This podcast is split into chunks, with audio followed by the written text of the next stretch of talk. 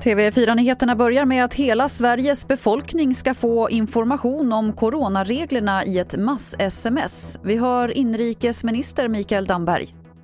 Vår bedömning är att vi nu, i det här svåra läget inför jul och eh, nyår, vill ge svenska folket ytterligare en påminnelse om vikten av att följa myndigheters råd och rekommendationer.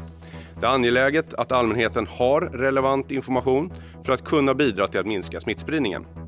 Genom ett sms-utskick bedöms informationen kunna nå ut till en stor del av befolkningen på ett effektivt sätt och med samma information till alla. Och mer från presskonferensen finns på tv4.se. Så till Borås där tre unga kvinnor ska ha blivit jagade av maskerade män i natt. Två av kvinnorna hann undan, men den tredje blev så svårt misshandlad att hon fick föras till sjukhus. Det är oklart om det finns någon koppling mellan kvinnorna och de maskerade männen. Ingen misstänkt är gripen.